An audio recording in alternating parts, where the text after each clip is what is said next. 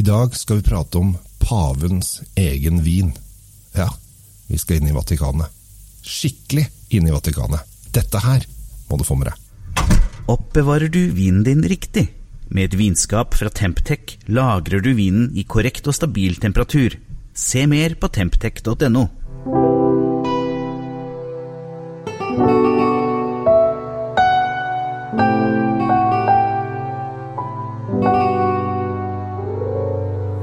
jeg heter Kjell Gabel Henriks og velkommen til Kjell Svinkjeller. I dag så skal vi snakke om eh, paven, eh, pavestaten, og ikke minst en av verdens mest kjente kunstnere.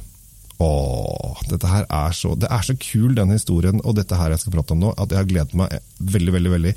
Jeg er, eh, jeg er utdannet historiker, så jeg kan litt om historie, og jeg er veldig glad i eh, historie fra pavekirken og Roma og alt som har med det å gjøre. Eh, Bare å vandre rundt i Romas gater og se alt det historiske der, den evige stad osv. Første byen i verden som runda én million eh, mennesker, antas det. Fordi at man har ikke helt funnet ut hvor mange mennesker bodde i Kina på den tiden. Men uansett, første byen som rundt én million mennesker antas det, er da Roma. Og i Roma så har vi pavekirken. Begynte med apostelen Peter, som var den første paven. eh, Og så gikk det slag på slag på slag på slag. Og han jeg skal eh, snakke om, heter Alexen 6. Da tenkte vi jøss, det var jo det var veldig rart. Eh, Alex den sjette, er det, hvem er det for en fyr? Han eh, var pave rundt 15, i starten på 1500-tallet. Og, det er litt eh, viktig i denne historien her, fordi at han var pave da Michelangelo malte det Sixtinske kapell. Det gjorde han fra 1506 til 1512. Han brukte seks år på jobben. Eh, Det, det syns jeg er ganske kjapt. Men det syns ikke på Aleksen Sjette. Han syns ikke det var noe særlig kjapt. Så han klaga over at Michelangelo brukte så altfor lang tid, og det var bare rot, og disse kunstnerne gjorde ikke det de skulle, og det var mye drit. Kan, det er nesten sånn du kan høre politikere i dag.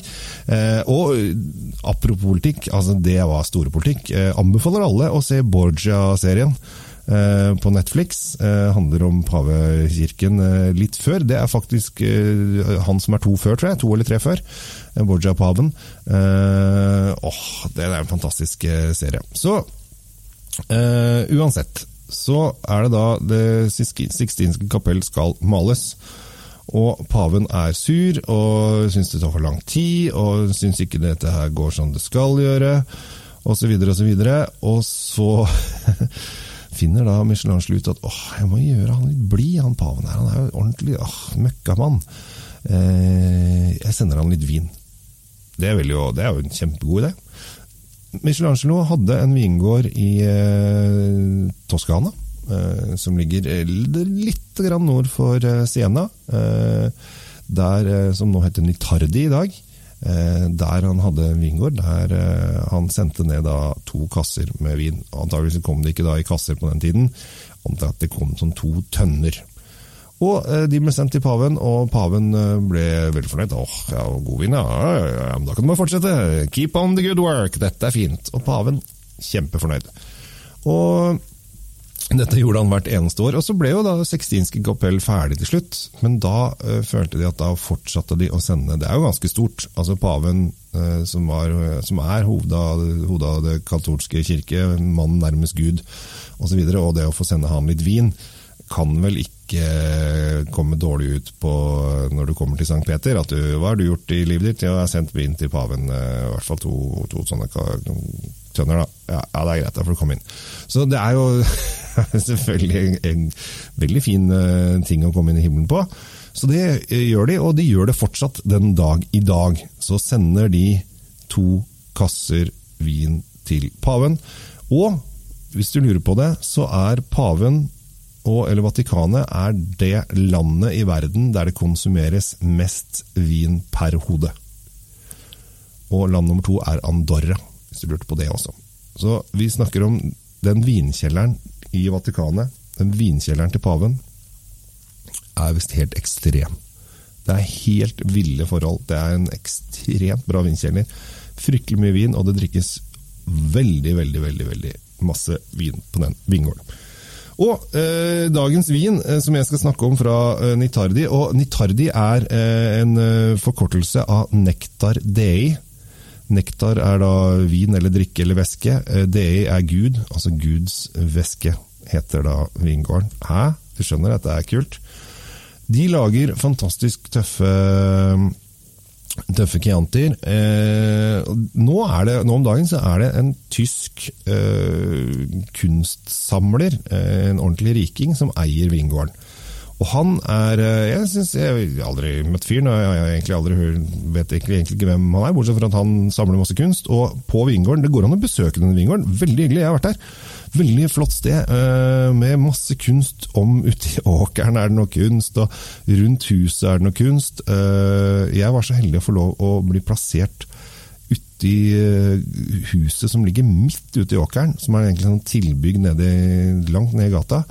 Der var det et gammelt låvehus med jeg tror det var fire leiligheter, og der bodde, bodde vi da vi besøkte.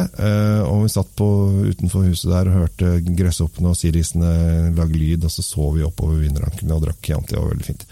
Men uansett er drevet av en kunsthandler, og han er ganske tøff. for Han lar kunstnere få lov å lage etiketten hvert år.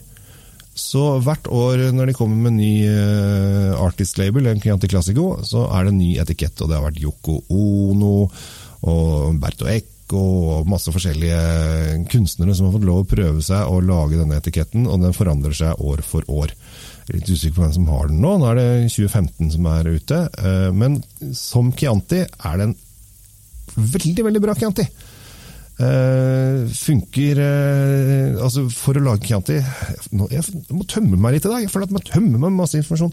Chianti må jo da ha 75 uh, Sangiovese, og så kan man kaste litt oppi av resterende åtte Du kan velge mellom 28 forskjellige druer til å lage Chianti Classico, som er registrert som mulig for å lage dette på. Men denne her er 100 Sangiovese-drevet, så endrut. Og veldig fine mørke bær, eh, hint av litt sånn fatpreg, eh, skogsbær. Kanskje litt sånn lakris borti enden der. Eh, og er, lukter ganske mye kirsebær når når, når du, lukter på den. Så dette her er en eh, kanonbra vin som paven liker. Eh, og når paven liker det, da kan vi ikke vi annet, annet enn å si ja, da liker vi det òg. Så ukens eh, vin er eh, Michelangelo sin vingård. Nitardi Chianti Classico Artist Label 2015. Koster 255 kroner. Og dette her passer, Dette er litt sånn kjøttete vin. Passer til åh, lammelår. Ja, passer til lammelår. Kanskje litt oster også. Så kan helt klart ligge også en åtte-ti år i skapet uten at du trenger å drikke den med en gang. Så vil du drikke den samme vinen som paven drikker, så har du muligheten til det. Men da må du skaffe deg en Nitardi Chianti Classico Artist Label 2015. Eller noen av de andre Nitardi-vinene, som er veldig gode. Jeg heter Kjell Gabel Henriks. Tusen takk for oppmerksomheten. Håper at du får en fin dag videre. Drikk godt med vin. Drikk riktig, og finn ut hva du liker. Det er det viktigste for deg. Og så er det hyggelig at jeg får lov å komme med noen tips av og til. Ha det bra. Temptec, Nordens største leverandør av vinskap. Med over 40 ulike modeller har vi et vinskap som passer for deg. Se mer på temptec.no.